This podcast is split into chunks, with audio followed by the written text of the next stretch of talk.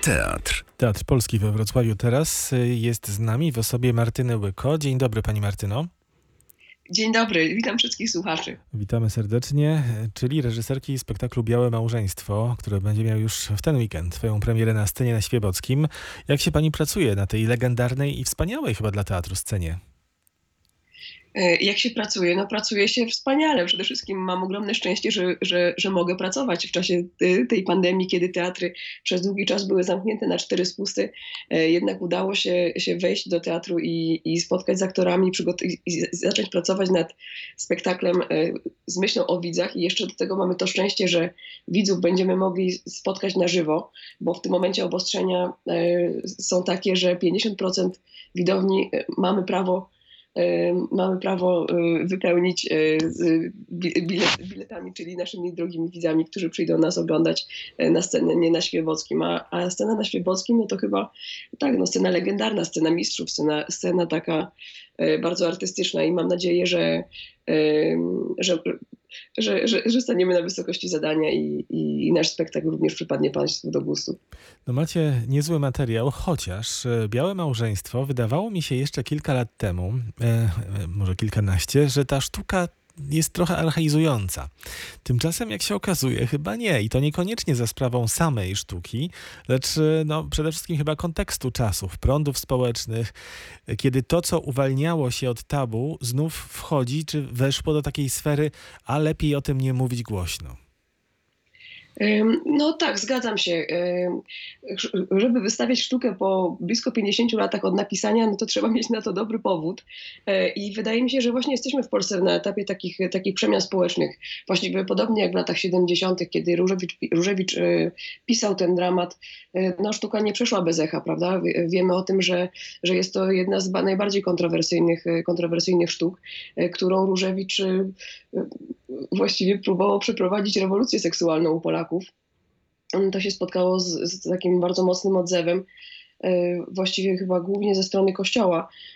U nas e, w tym momencie my przyjmujemy ten filtr taki w mojej interpretacji bar, bardziej e, kobiecy, chociażby z tego względu, że oczywiście tekst, na, na, tekście pracujemy różewiczowskim w 100%, ale e, do obsady zaprosiłam same kobiety. E, aktorki występują również w rolach męskich, a to dlatego, żeby przyjrzeć się e, tym postawom właśnie z tej perspektywy kobiecej. Co nas drażni, co, na, co, co nam nie pasuje, co nam pasuje, jak my to odbieramy i żeby postawić się z punktu widzenia tej osoby, która w, w tych relacjach może jest na takiej słabszej, e, na, na, na, tej słabszej pozycji. Czyli właściwie nie wypowiadamy się tylko, tylko w, w imieniu kobiet, ale, ale właściwie wszystkich osób, które, które gdzieś e, e, czują, się, czują się słabsze i e, e, jest to taki swoisty apel o, o właściwie o szacunek, o, o równouprawnienie, e, o, o, o możliwość podejmowania samodzielnych decyzji z naszej strony. Mhm. Ja pytałem o tę scenę na Świebockim, ona jest legendarna. Legendarne jest również przedstawienie e, Białego Małżeństwa z lat 70. bodajże. To był Kazimierz Braun jako reżyser, a w rolach głównych Bianka Grażyna Krukówna, Paulina Halina Rasiakówna. Mieliśmy takie e, przedstawienie w Teatrze Współczesnym we Wrocławiu. Potem po latach wróciła do tego tytułu Krystyna Meissner, też e, robiąc swoją inscenizację jakieś 10 lat temu. I pani poczuła, że to Białe Małżeństwo jest najlepszym wyborem dla pani z tego całego rezerwuaru sztuk Różewicza? Tak, dla mnie zdecydowanie Białe Małżeństwo było najbardziej interesujące, dlatego że jakoś, jakoś jestem e, nastawiona e, prokobieco i, i, i w, tej, w tej walce o prawa kobiet, e, a ze sztuk różewiczowskich ta ma wyraźnie takie kobiece, jest najbardziej kobiecą ze, ze, ze sztuk różewiczowskich. Tak wiemy z tego, czego się próbowałam douczyć o białym małżeństwie z, z artykułów literaturoznawców, to że Tadeusz Różewicz wręcz y, sam identyfikował się z, z Bianką, z główną postacią na przykład. A, a, a może co nawet ważniejsze i bardziej czytelne to to, że inspirował się życiorysami pierwszych polskich emancypantek do napisania tej sztuki. Są dwie takie kobiety, których tak naprawdę nazwiska poznałam, a w ich życiorys zgłębiłam się dopiero w trakcie realizacji teraz Białego Małżeństwa. To są Narcyza Żmichowska, poetka, której autor wręcz dosłownie udziela, udziela głosu, używając jej poezji i, i, i wkładając jej poezję w usta Bianki, czyli naszej głównej bohaterki i Beniamina, jej narzeczonego tym samym kreując tak, taką, tak, takie właściwie połączenie, porozumienie dusz między nimi. A drugą postacią z polskich emancypantek, na której e, wzoruje się e, Tadeusz Różewicz, tutaj już nie, nie dosłownie w tekście, ale w życiorysie tej postaci, e, jest Maria Komornicka. No tak, pani wykształciła się poza granicami Polski. Tak. To też jest okazja, żeby poznać trochę bardziej tę historię polskiej literatury, ale ja jeszcze na moment wrócę do inscenizacji, skoro wspomniała Pani o tych wątkach. E, inscenizacji Krystyny Meissner we Wrocławskim Teatrze Współczesnym. W ostatniej scenie tam Bianka staje naga, ogolona na krótko, wyzwala się w ten sposób z opresji, tradycji, z domu, z konwenansu, tak radykalnie. Odrzuca te konwencje kobiety domowej czy romantycznej. Zresztą sam Różewicz, zdaje się, napisał esej Miłość lesbijska e, w romantycznym przebraniu. Pani idzie trochę w tym kierunku też? Czy u mnie Bianka e, nie będzie naga? Nie wiem, czy to jest spoiler, czy, czy nie, ale jakoś wydawałoby mi się to dzisiaj nadużyciem. Bardziej chodziło e, mi o te relacje intymne y, między kobietami. Jak chodzi o relacje intymne kobietami, między kobietami, to E, to e, są e, oczywiście wątki homoerotyczne w tym, w tym spektaklu i my poznajemy tak naprawdę te dwie młode dziewczyny na drodze do, do odnalezienia swojego ja, do odnalezienia swojej seksualności, do odnalezienia siebie w swojej seksualności. I Różewicz otwiera dramat pierwszą sceną, w której te dziewczynki właściwie mm, ukradkiem e, gdzieś po, po ciemku, właściwie z latarką, przyglądają się książce e, wykradzionej z rodzinnej biblioteki o życiu seksualnym ssaków. I to jest taki, e, taki początek takiej, takiej właściwie samoedukacji seksualnej, którą te dziewczyny muszą prowadzić, bo nikt tego za nie nie zrobi. Gdzieś na własną rękę zupełnie chaotycznie i heroicznie próbują się edukować, no bo to co, to, co widzimy w postawie tych postaci już dorosłych w dramacie, no to właściwie widzimy konsekwencje braku takiej, takiej solidnej edukacji seksualnej. Tutaj oczywiście mam na myśli edukację seksualną w rozumieniu stawiania granic, a nie seksualizacji, bo tutaj te pojęcia są często mylone. Także e, chodzi o to stawianie granic. No i te obserwujemy te dwie, te dwie e, dziewczyny, na, na, tej drodze do odnalezienia samej siebie i faktycznie y, są tam takie wątki i my na scenie też ich nie unikamy, bo, bo one są w tekście i są, wydaje mi się, ważne dla, y, dla tworzenia tych postaci. Natomiast y, jak chodzi o samo słowo gender, czy to wszystko, o czym dzisiaj debatujemy w Polsce, no to myślę, że Tadeusz Różewicz mógł jedynie podskórnie, podskórnie to przeczuwać, bo, bo w jego czasach o tym, o tym mowy tak wprost nie było, chociaż, chociaż takie jednostki właśnie e, jak e, postacie emancypantek, które zresztą e, były w małżeństwie i, miały liczne romanse z tego, co, co też do, do, czego też się doczytałam. Także u nas te wątki, wątki homoerotyczne nie są dominantą. U nas są one obecne ale, ale właściwie to, co nas najbardziej interesuje, to ta droga do odnalezienia swojego ja, do, droga do pogodzenia się ze sobą, ze swoją seksualnością, która może być inna od oczekiwań ludzi, którzy są wokół nas i odrzucenia właściwie E, tych schematów, które już dzisiaj mogą nam e, w, młodym pokoleniu nie odpowiadać.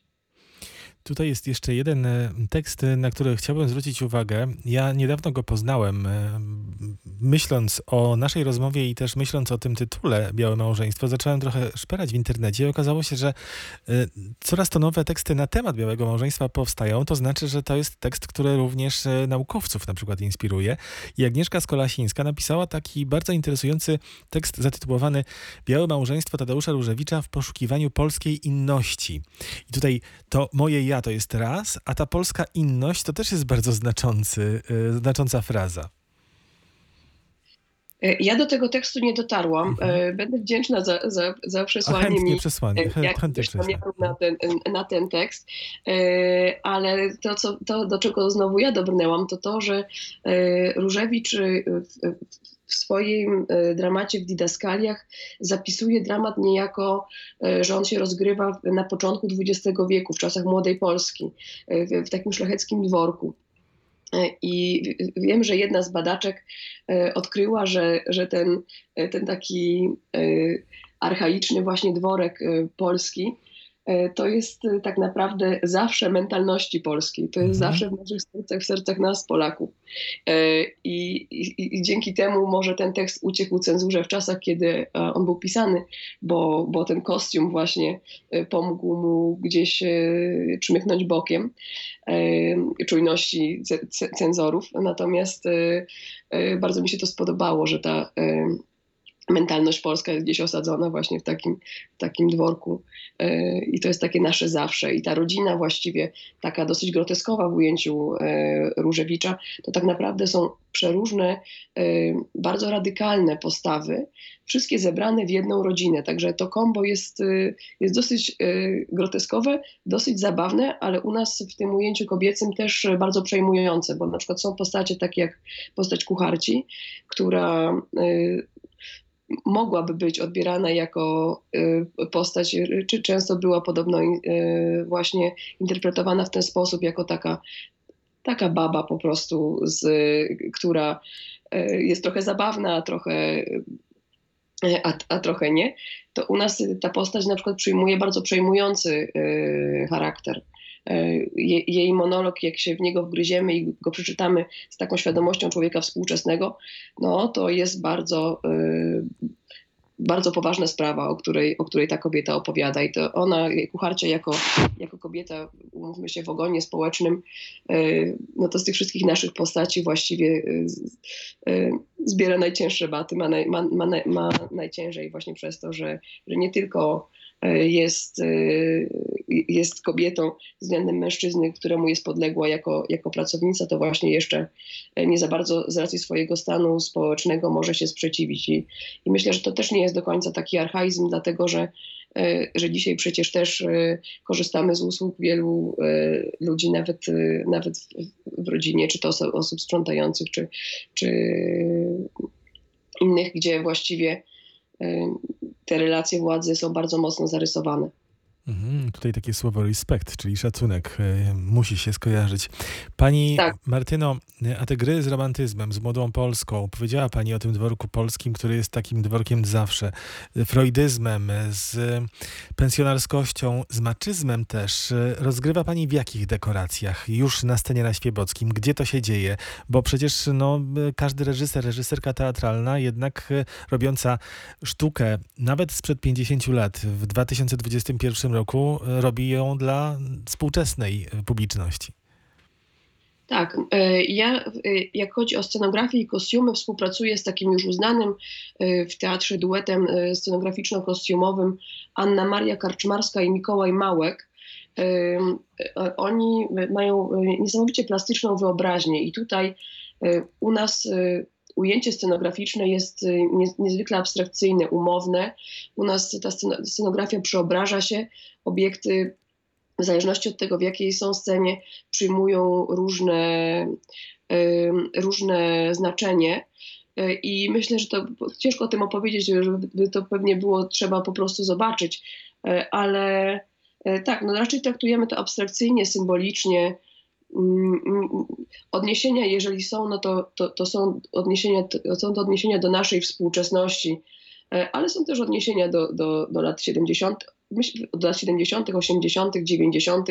Także myślę, że od czasu e, napisania sztuki, e, tak jak ją, e, tak jak została wydana w latach 70. Do, do, do współczesności, znajdują się elementy, które się przeplatają, które sygnalizują, że, że jest to jeszcze, jeszcze temat nieprzepracowany i który myślę, że mam nadzieję jakoś, jakoś, jakoś w końcu uda się przepracować. Mhm. A jak to będą pewnie inni reżyserzy jeszcze za 20 lat wystawiać tę sztukę. Pewnie tak. E, te kobiece postaci wyłącznie. To jest bardzo ciekawy trop. Podobny zabieg Anna Augustynowicz e, zastosowała w przypadku Króla Lira o polsko-legnickiej premiery sprzed kilku miesięcy. No z tym, że Lir tam był mężczyzną, tam był jeden mężczyzna. Natomiast e, tutaj ma pani kobiety w rolach męskich także, czyli z jednej strony przekaz, szansa na przekaz wzmocniony, a z drugiej może i osłabiony. Jak pani to rozwiązuje? To znaczy yy, yy, przekaz wzmocniony ze względu na to, że, że my faktycznie zastanawiamy się, jak te postacie męskie są widziane oczami kobiet. Yy, I kobiety, które interpretują mężczyzn, yy, one nie grają mężczyzn w taki sposób dosłowny, yy, o, gram mężczyznę, albo gram na przykład aktorka, która gra ojca, gram chutliwego mężczyznę. W tym momencie my, do tego troszeczkę inaczej, inaczej podchodzimy. Zastanawiamy się, jak e, ta postać działa, e, e, jak my sobie jako kobiety wyobrażamy takiego mężczyznę, e, e, a odgrywamy go raczej poprzez e, e, intencje, poprzez intencje, jakie towarzyszą aktorce, e, aniżeli wyobrażeniu, jaki by, by ten mężczyzna, jak, jakby się ten mężczyzna miał czuć. E, To raczej jak ja go postrzegam, tak go interpretuję w ten sposób. E, A w, znów w, kostiumach mamy dosyć taki mocny gest, który jest użyciem masek. To nie są maski teatru lalkowego, bo pracujemy w teatrze dramatycznym, to są maski e, kominiarki, które po części zasłaniają, ale, nie, ale, ale niekoniecznie przedstawiają, jak kominiarka wygląda. E, Także e, te maski są tak dla nas takim symbolem, no właśnie właściwie buntu przeciwko tym prze, przebrzmiałym schematom, który, z którymi już chce, chcielibyśmy zakończyć. A także te postacie, które grają aktorki, mają o tyle ułatwione zadanie, e, że, że mają dorobione na przykład torsy, które, które pozwalają im, im, im- na scenie stać się być może bardziej, ciut bardziej męskie. Natomiast te kostiumy to też jest, są też umowne. E, One, my, my nie, nie, nie łudzimy się, że ktoś, kto zobaczy aktorki grające rolę męskie, pomyśli sobie, o, to jest, to jest mężczyzna. Nie, my mamy taki, specjalnie bierzemy, bierzemy cały ten, całą tą interpretację w nawias sceną prologu, którą, którą sobie pozwoliliśmy dołożyć. Nie jest to scena dopisana, to jest scena, scena z Różewicza, E, ale jest to taki moment, który zresztą był dla nas kluczowy podczas realizacji, e, kiedy aktorki powiedziały mi, że one nie chcą plastycznej wizji, że, że one chcą wziąć sprawy w swoje ręce i wypowiadać się również w swoim imieniu. Więc wprowadziliśmy taką scenę prologu, gdzie aktorki właściwie pojawiają się jako osoby, jako osoby indywidualne y, i kostiumujemy się już na scenie. Y, Więc, więc, więc jakby cała ta forma y, nie chcę, żeby była traktowana właśnie jako, jako, kłamstwo z naszej strony, że kobiety grają mężczyzn. To jest, to jest stricte umowność i jest to umowność w sprawie. W sprawie ape, e, tego apelu o szacunek, o, o, o, o, zauważanie siebie i, i bycie empatycznym względem siebie nawzajem. I właśnie tak jak mówię, to nie chodzi stricte o kobiety. My przyjęłyśmy ten, ten wątek kobiecy, bo, bo, bo jesteśmy kobiety, kobietami, jest on dla nas niezwykle ważny. Teraz w Polsce też jest, jest e, rozogniona, powiedzmy, sytuacja, e, jak chodzi o, o sprawa kobiet, ale, ale kobiety nie są, nie, są, nie są same i myślę, że, e, że, że ten szacunek wzajemny i empatia wzajemna jest właściwie kluczem do, e, do jakiegoś porozumienia i, i mam nadzieję, że ten spektakl pod tym kątem e, jakoś e, da, da nam trochę do myślenia wszystkim. Mi na pewno dał podczas realizacji. A jak wyjdzie na scenie, no to już Państwo sami ocenią, jak, jak zobaczycie. I na, na co gorąco zapraszam i, i zapraszam też do jakiejś debaty czy dyskusji później po spektaklu, bo to jest dla nas artystów bardzo ważne. No tak, i sporo ma pani pracy, ponieważ e, mamy i scenę, i też streaming online, więc w sumie, e, no nie, nie powiem dwa różne spektakle, ale dwie różne wersje. To znaczy, my robimy właściwie jedną wersję, e, ale e, przygotowujemy się e, pod, tak, żeby pogodzić gdzieś te, te dwie wersje ze sobą. Nam oczywiście zależy na tym widzu, który, który przychodzi na żywo, bo esencja teatru jest, jest tutaj, ale ten streaming jest dla nas bardzo ważny, jest, jest też w sumie wspaniałą zdobyczą technologii, dlatego że cieszę się, że moja rodzina, która nie mieszka we Wrocławiu, będzie mogła też zobaczyć ten spektakl i, i uczestniczyć w tej premierze. To jest wspaniałe. Myślę, że y, że ja też będę, będę i korzystam tak naprawdę ze streamingów innych teatrów y, y, z innych miast. To jest, jest ogromnie otwierające. Jak chodzi o samo przygotowanie, no to faktycznie zmiany, które są wprowadzone, no to, to są mikroporty, z którymi musimy pracować, bo inaczej byście nas Państwo nie usłyszeli. To są światła, które są, muszą pracować zarówno pod kamerę, jak i pod, pod widza na, na sali. Więc w tym momencie mamy taki bardzo, bardzo gorący okres w klubach, kiedy staramy się to wszystko ze sobą pogodzić, żeby y, to dla Państwa jak najlepiej, n- najlepiej za, w- wyglądało właśnie w ekranie, ale również na scenie.